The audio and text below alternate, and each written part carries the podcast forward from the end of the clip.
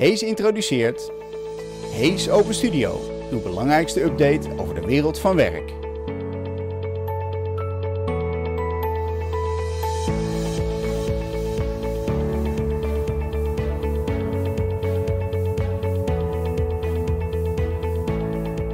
Neem deel aan het gesprek live op YouTube. Abonneer nu. Kijk en luister wanneer het u uitkomt. Mis het niet.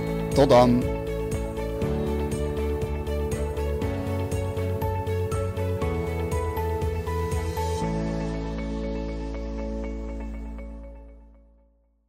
Hello, everybody. Welcome to the Hayes Open Studio, your most important update on the world of work. In this webinar, we have a first look on the gender, our annual gender diversity report. Um, we promise that by the end of this 25 minute uh, webinar, uh, you will know how your organization, organization uh, can help narrow the gender gap. Um, my name is Wouter van Ewijk and I'm uh, very honored to have uh, a special guest live from London, um, Yvonne Smyth, and she's our group head of diversity. Live from London. Hello, Yvonne. Good morning, Walter. Good morning, everybody. I'm delighted to be here. Thank you so much. So uh, it's it's not very far away, Amsterdam, London, but uh, uh, it's it's easier to do the digital connection. Um, by the way, this webinar is live, uh, so all the viewers then uh, can ask their question. Please do so if you've got any questions about diversity or inclusion, uh, maternity leave. It doesn't matter as long as it's a good question for Yvonne. Please do so. You can ask your question in the chat for mobile, that will be at the bottom of the screen, and for the desktop computer on YouTube, you need to be on the right side of the screen.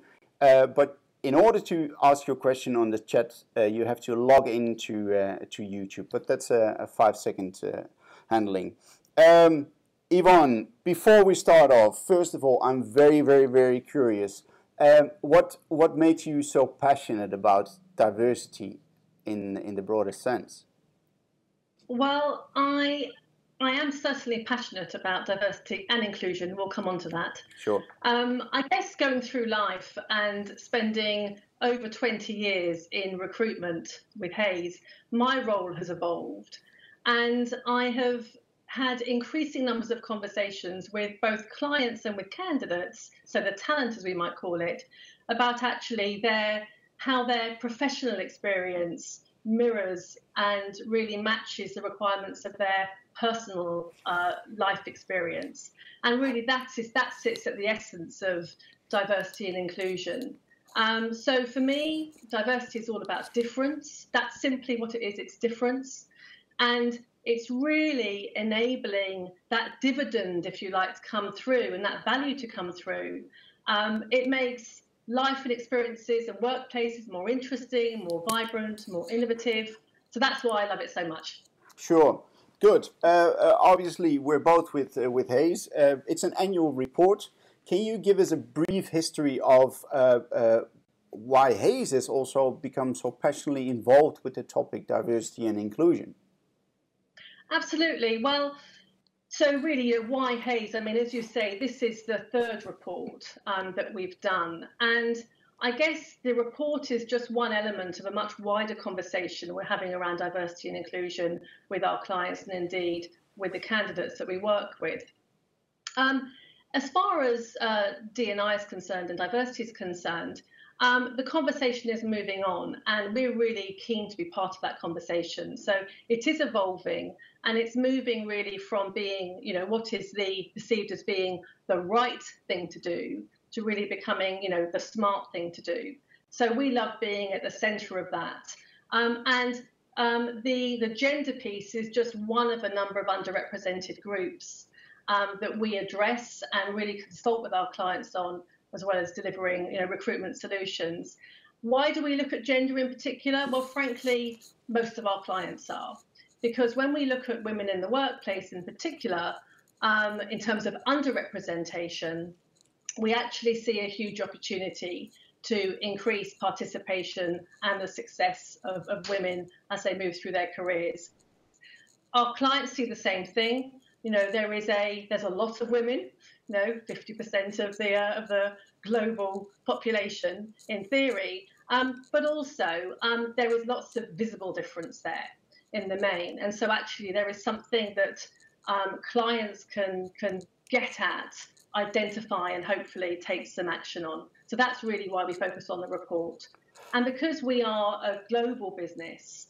Um, it's very useful for us, and we're really quite uniquely placed to pull in various touch points from around the globe, frankly. Different countries are at different stages in their experience, and, and we hope to be able to share some of that insight to both empower organizations and also uh, inform and, and empower individuals. Yeah, uh, because we should also emphasize that it's it's broader than gender diversity, obviously, um, uh, and also uh, it it varies a lot per country obviously. Um, um, there's nothing more diverse than a national culture difference um, and the difference between countries.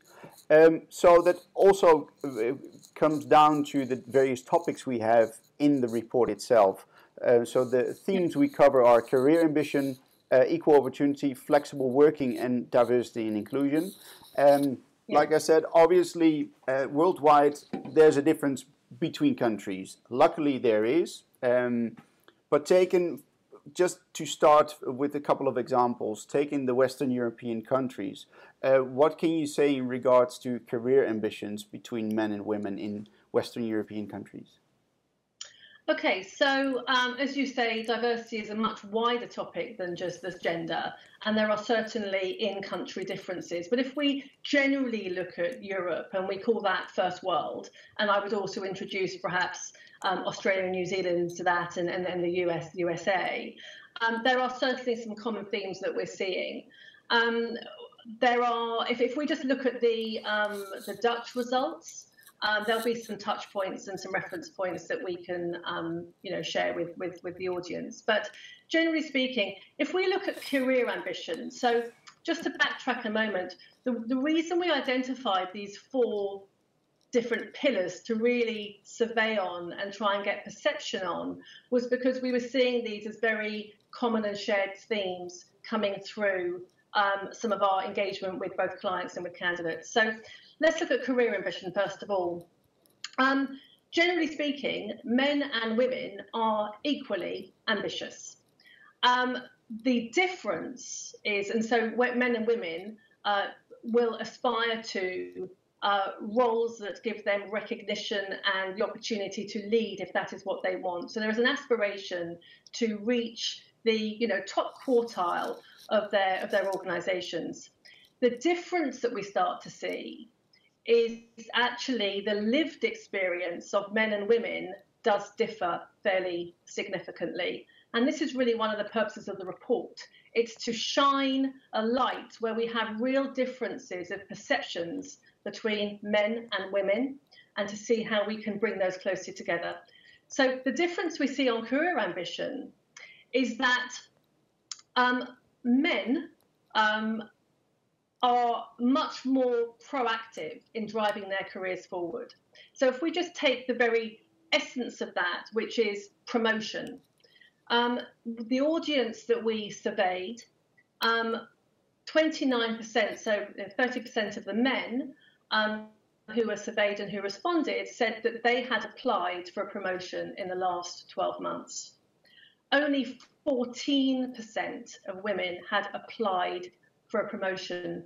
Now, we deliberately posed the question in terms of the respondent proactively applying as opposed to being tapped on the shoulder. So that's interesting in terms of who's pushing themselves forward and being proactive in their career. Um, there are some link points to that. Um, another data point that we had around ambition was that um, actually both about 30% of men and women felt that they were not in a position to actually move on to their next role. So, despite that, and despite that being a, a common um, feeling and, and, percentage, actually more men went ahead and pushed themselves forward and applied for their promotion. So that's quite an interesting statistic. Yeah. Um, a point that's sorry, oh, sorry, one minute. A point that's linked to that also um, is um, the point about career plans. So, in terms of career plans, they're very important clearly to keep an individual on track. And 66% of men had a career plan in place, and only 39% of women had a career plan in place. Yeah. Uh, so uh, obviously it's statistics. Um, um, um, um the the survey questions uh, follow each other and they make a causal uh, if, um, uh, link to each other. Um, yeah. But I would say that there's also a big difference. That's the consideration of women. That's the different difference between men and women themselves. the men going for their uh, adventure, and uh, the, the, the women might consider facts in life, important aspects of life more. Uh, what do you think about that? Yeah, well, I've got a phrase for that, um, and and you know there there there are various um, uh, phrases that are used, I suppose, when we look at the, the quite inherent differences between men and women, and there is stereotyping here, I admit. Um, but stereotypes exist for a reason. So, you know, there, there is data that shows us that if a man feels that they can um, deliver four out of 10 competencies on a particular project or job description, they'll go for it. And frankly, they'll fake it till they make it. That's my phrase. Um, whereas, you know, a woman will will really be very keen to fulfill all 10 criteria. And so yeah. that really holds them back. And that, I think, is one of the reasons why we don't see the yeah. ambition that sits there in a woman sometimes pushing through to actually the lived experience at work. Yeah. Uh, uh, dealing with the, with the diversity report in, in the Netherlands, uh, I was fortunate enough to, besides you, uh, interview uh, three more leading ladies who are from the industry, um, uh, from electronics, from IT, and also insurance, finance. Um, yeah. And they say that, um, you know, there's a question in the survey that says, what level do you want to reach to reach success, to be successful? And uh, it, it varies. Uh, for the men, they say they want to reach the top management, and the women, they want to, uh, they want to reach the middle management. But that's it doesn't say anything about the considerations of why they want it. It's just a black and white statement, middle compared to top. And the funny thing is, is that three, all three of the leading ladies that I interviewed, they said, yeah, but what we see amongst women is that they want to be a specialist more within their function, within their role. So the, the 9 or 10 out of 10 points instead of the 4 out of 10 points. So that's uh, a beautiful thing compared to uh, uh, the men that go uh, harshly in one direction. Yeah, and, I, and and, and I think that also links to uh, recognition um, and also really juggling, juggling your professional life and the way we're set up in our societies. We'll come onto it, you know, our personal lives at certain stages in our career, um, and at sometimes at very key stages in our career in terms of development.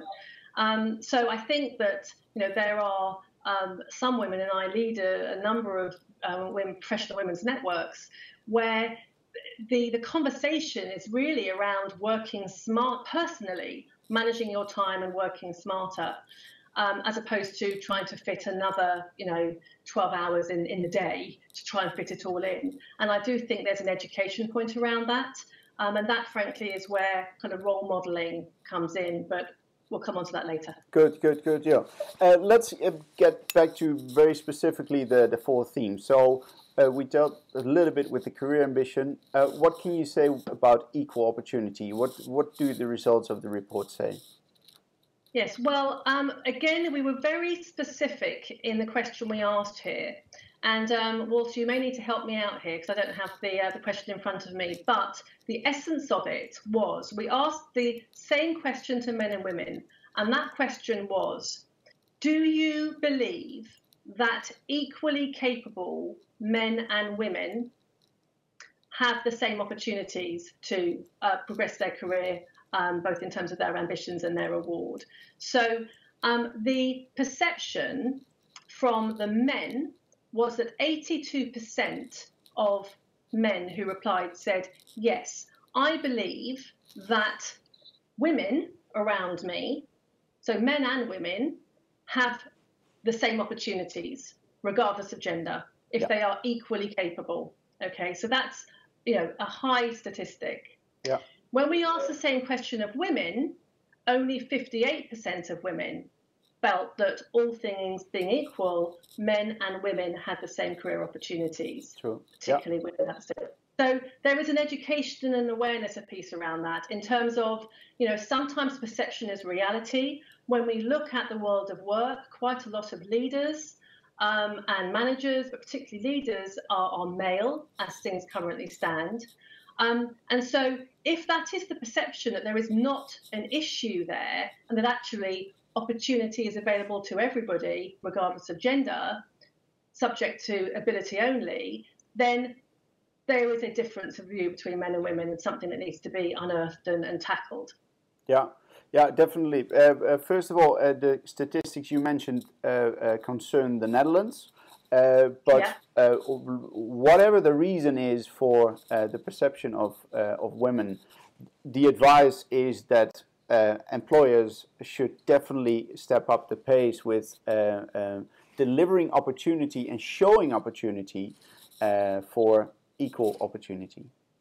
Um, yeah, that, that's right. And, and that, that um, difference of opinion between men and women on their perception of, of equal opportunity um, and the opportunities that then kind of link, link to women as of a right and on merit, that's shared globally. Yeah. Um, that's very much the case. Uh, I, what I shared with you, as you say, was the was the, the Netherlands statistic. Yeah. Yeah. Uh, so uh, there's a typical thing. Um, maybe it also comes down to a generational uh, part, but Dutch men and women are amazed about what they see in Scandinavia, especially Sweden, uh, with the opportunities uh, with regards to uh, maternity leave. Um, why why is flexible working? why has it become such an important aspect in the world of work? Okay, so I think there are two questions in there. One is around um, parental leave and sure, yeah. what's the different experience between uh, you know the, the male parent and the and the female parent. Um, with the with the Scandinavians, I think I think everyone always references a Scandinavia and says, "Wow, you know they really are um, streets ahead." And you know they have a use it or lose it policy, um, and it is it's been going for so long. It's very kind of embedded and it's supported by all different uh, mechanisms as well, which I'll come on to shortly. Um, actually, I'll, I'll, actually touch that first. I think it's easier, and then I'll go on to flexible working after. So, in terms of parental leave, that is a really, really big and topical issue at the moment. Um, there are two issues uh, that prevent men taking more of a proactive role um, as really a co-parenting. Um, in terms of you know actually being around the child as opposed to being uh, being being in the office or doing other things. Um, and there are two issues. The first one is the financial consideration. So by the time that this prospect kind of comes into play and becomes a reality, um, people may or may not be fairly well established in their careers. And if it is uh, not cost effective um, for the man um, the father to take the time off work and it is more cost effective for the woman to take the time off work, then that tends to drive certain decisions there. Um, the other point to note, however, and this is something that we can address, you know, pretty much immediately as leaders of businesses, and we should also be aware of it um, as, you know, workers, if you like, um, is that if men choose to take their parental leave unless it is unless it is absolutely mandated that it is use it or lose it, and that applies to everybody. If there is an element of choice in that and discretion, there is a perception on the part of men that they will be perceived to be less committed to their careers, which is not healthy, but it is a reality at the moment. Yeah. And again, it's something that businesses businesses should be addressing you know, as an action point. But that's uh, it's also um, it's it's not heavy um, um, survey results, but the tendency you see, especially amongst generations, so definitely not the baby boomers, that uh, amongst men, and with regards to the work ethic and the culture around work, um, some men just seem to be performance tired.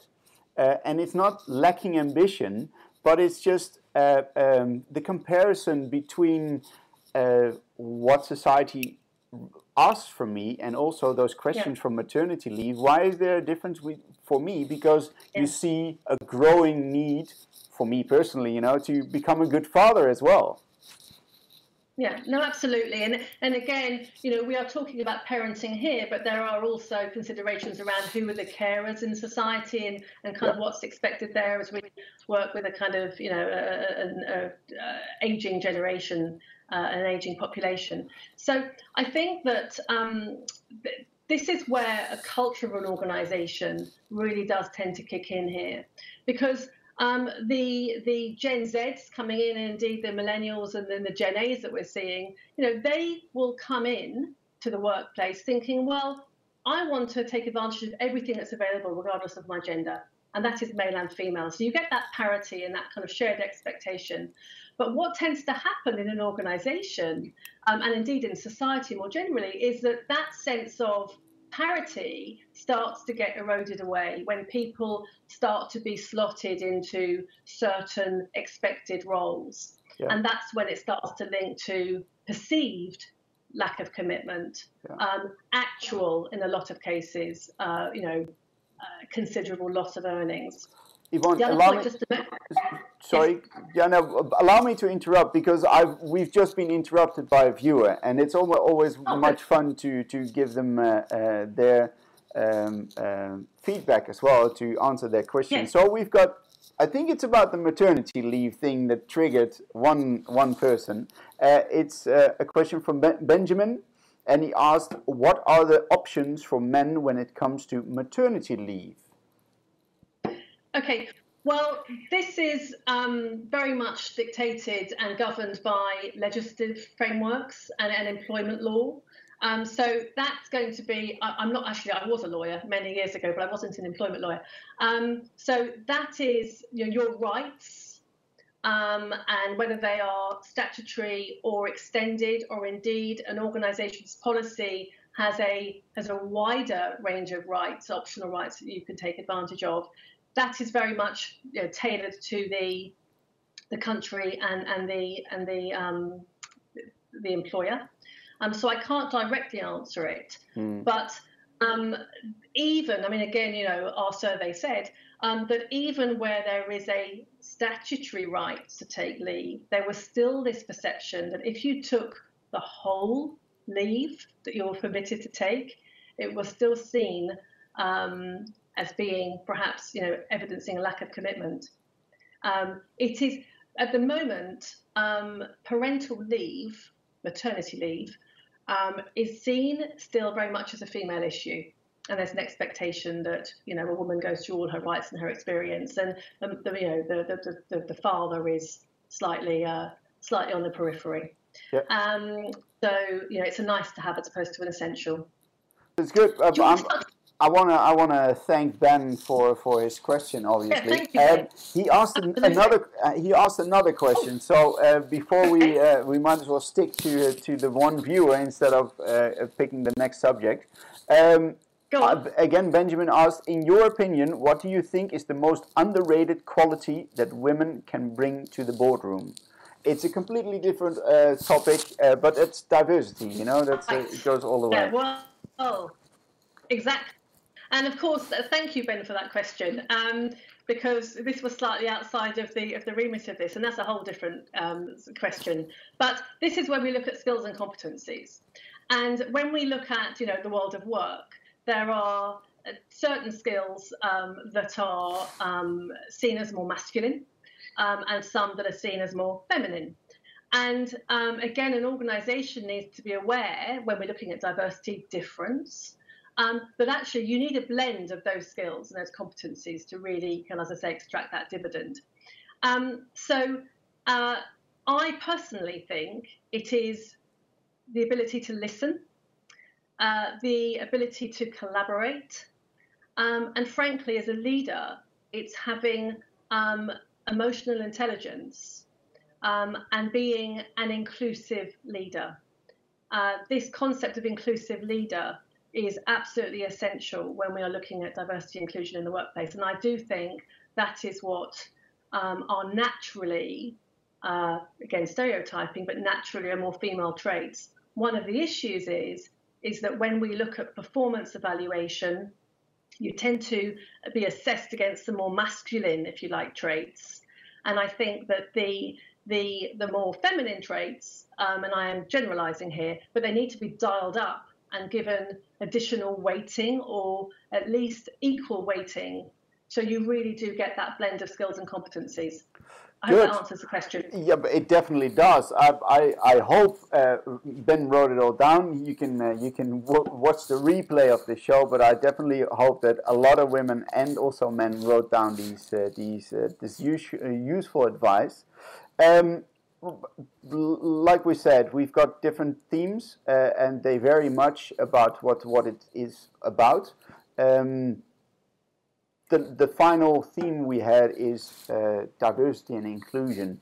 Uh, so what we what we've seen from the survey is that a relatively small amount uh, of men and women state that yeah I know my company, the organization I work for, has got a diversity and inclusion program in place but an even smaller percentage uh, say that uh, this is adherent well, so that it's, it's actually not uh, uh, in, in practice.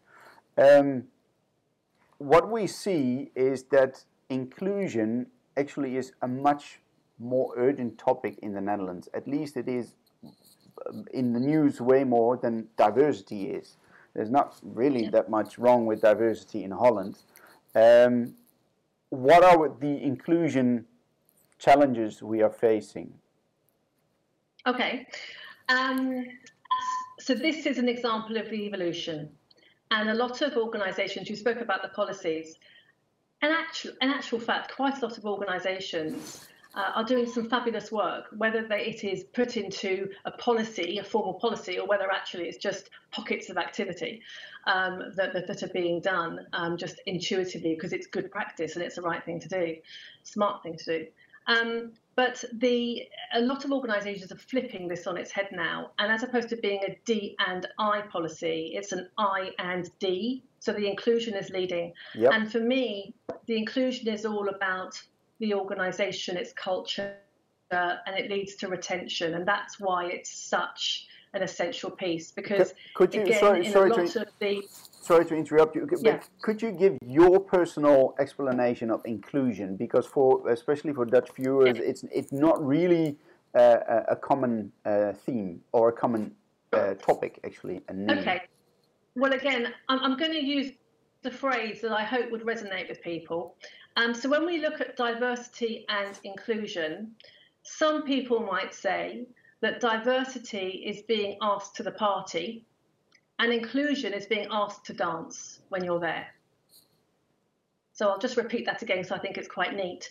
Um, so diversity is being um, asked to the party, and inclusion is actually being asked to dance when you're there. Good. So the inclusion element is actually um, whether you're an individual or an organization or a leader, having some frameworks in place that actually capture and manage because diversity without inclusion just means difference, and difference can be difficult. So the inclusion is really pulling it together and making sure that it works for you and that you actually see the benefits. Uh, does that help? Does...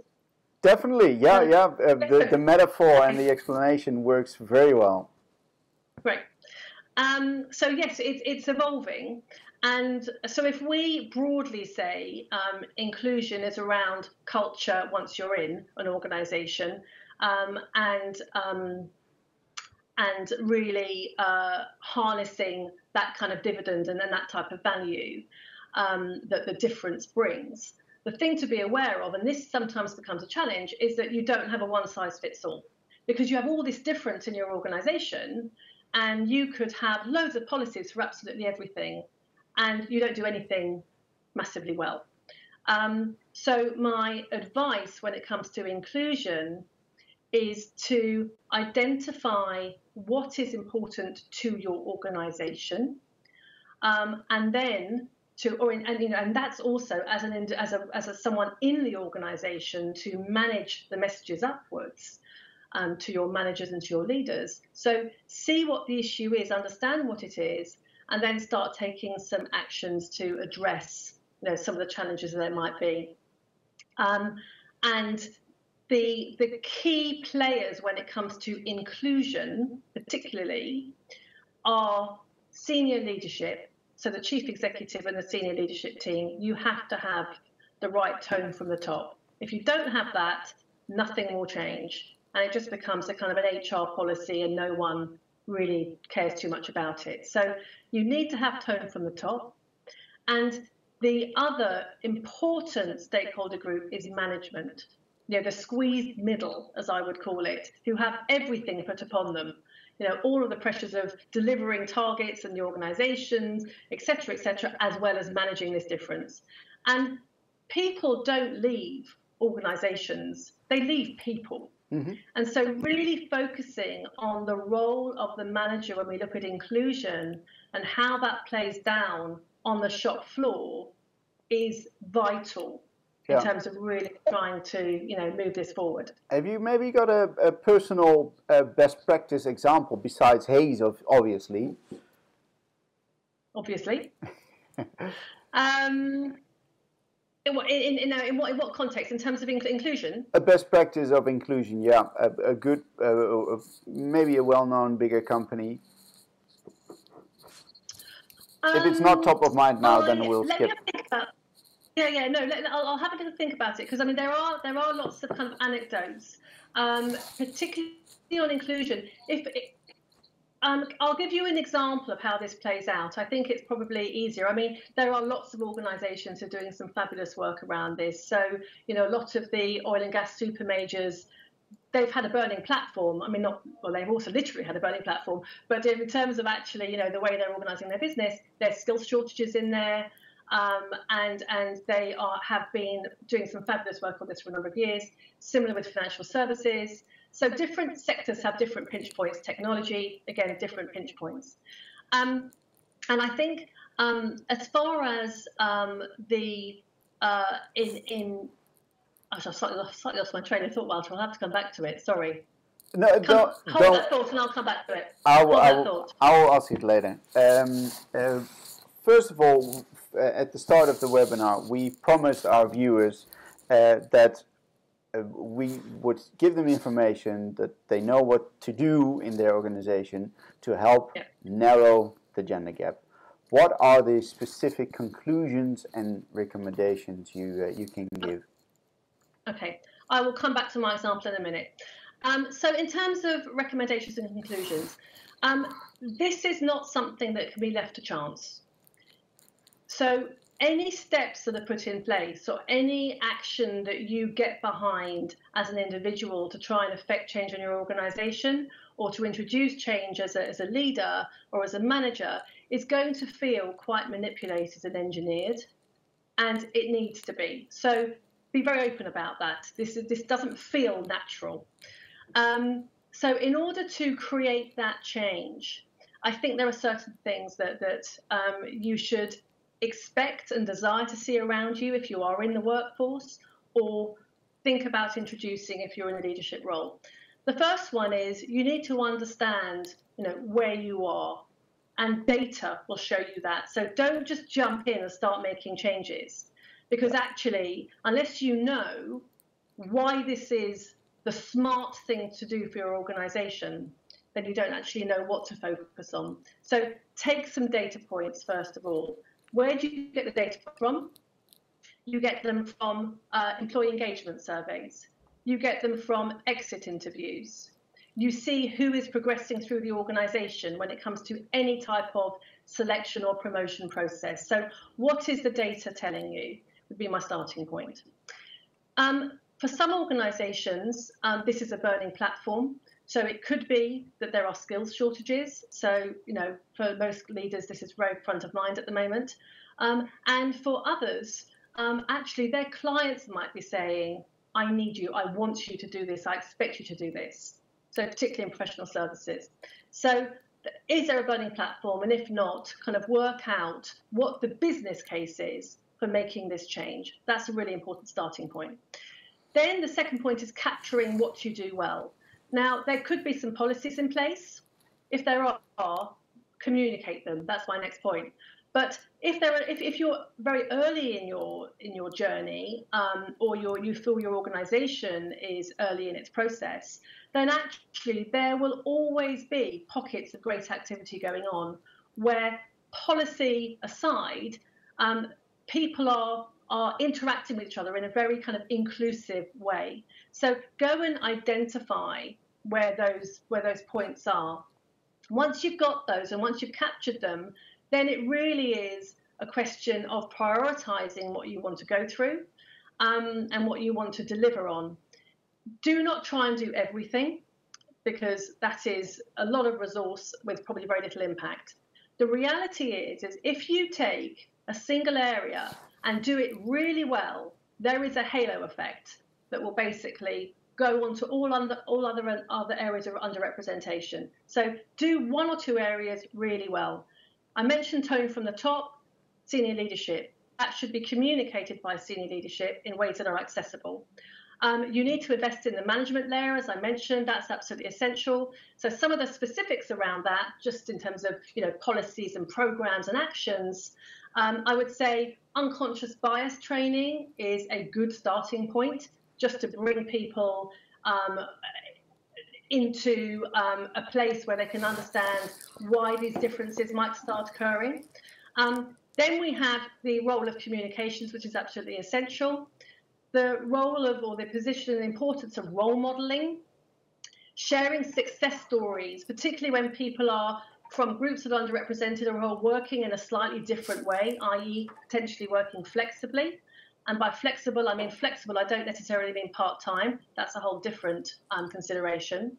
Um, the roles of mentors, but importantly, sponsors as well. So, who speaks up for you when you are not in the room? You know, that sponsorship role is really important for all underrepresented groups.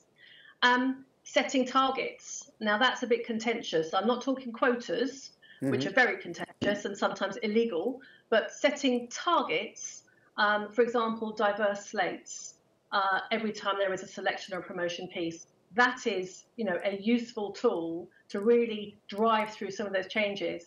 And importantly, it's having an element of inspection and accountability yeah. and frankly consequences from the senior leadership if those actions aren't being taken. One last point on that, I would say if you can, in terms of the consequences, if that can be more of a carrot than a stick approach, so you are in the spotlight um, as, for example, an inclusive um, manager or someone who is really, you know, supporting diversity in the business, then you're in the spotlight for the right reasons and for positive reasons, and others want to join you. Um, no one wants to be in the spotlight for the wrong reasons. So if you're early on your journey, use the carrot as opposed to the stick approach. Makes sense. And uh, uh, basically, within uh, what you just said in, uh, in, the, uh, in last couple of minutes, uh, is a structure to actually change, be able to change a culture. Yes. It is so. It is possible because obviously culture is quite a big thing, and we we're not going to touch culture because we won't be able to change it. But you can definitely can.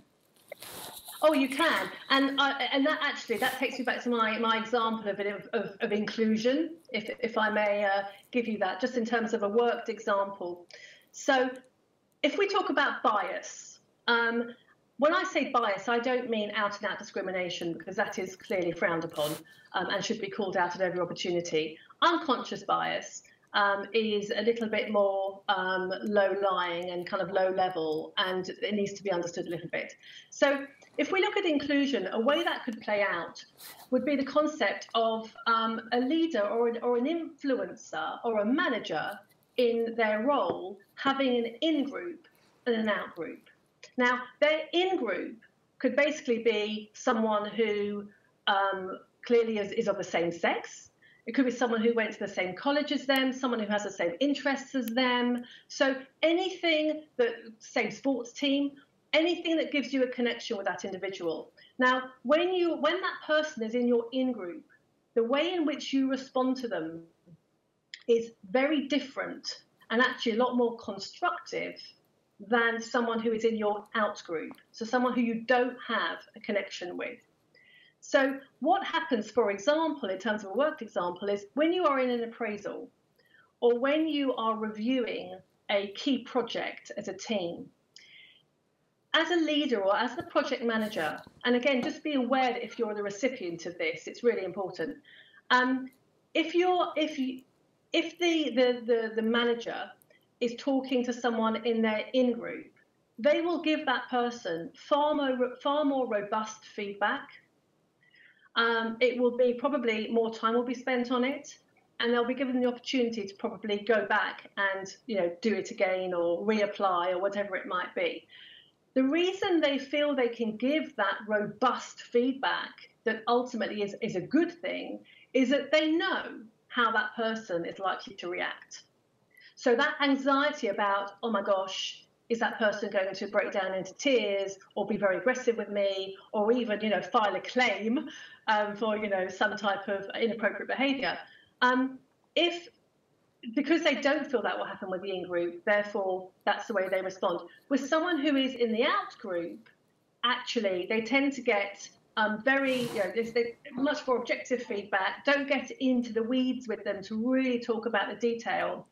And what typically would happen would be that project would be then given to someone else, and just I'll, I'll leave the subject alone. Yeah. And then what happens is you know, gradually, actually doesn't take that long, but over about kind of, you know, from someone joining a business 18 months in, their competency level actually starts to fall behind quite considerably.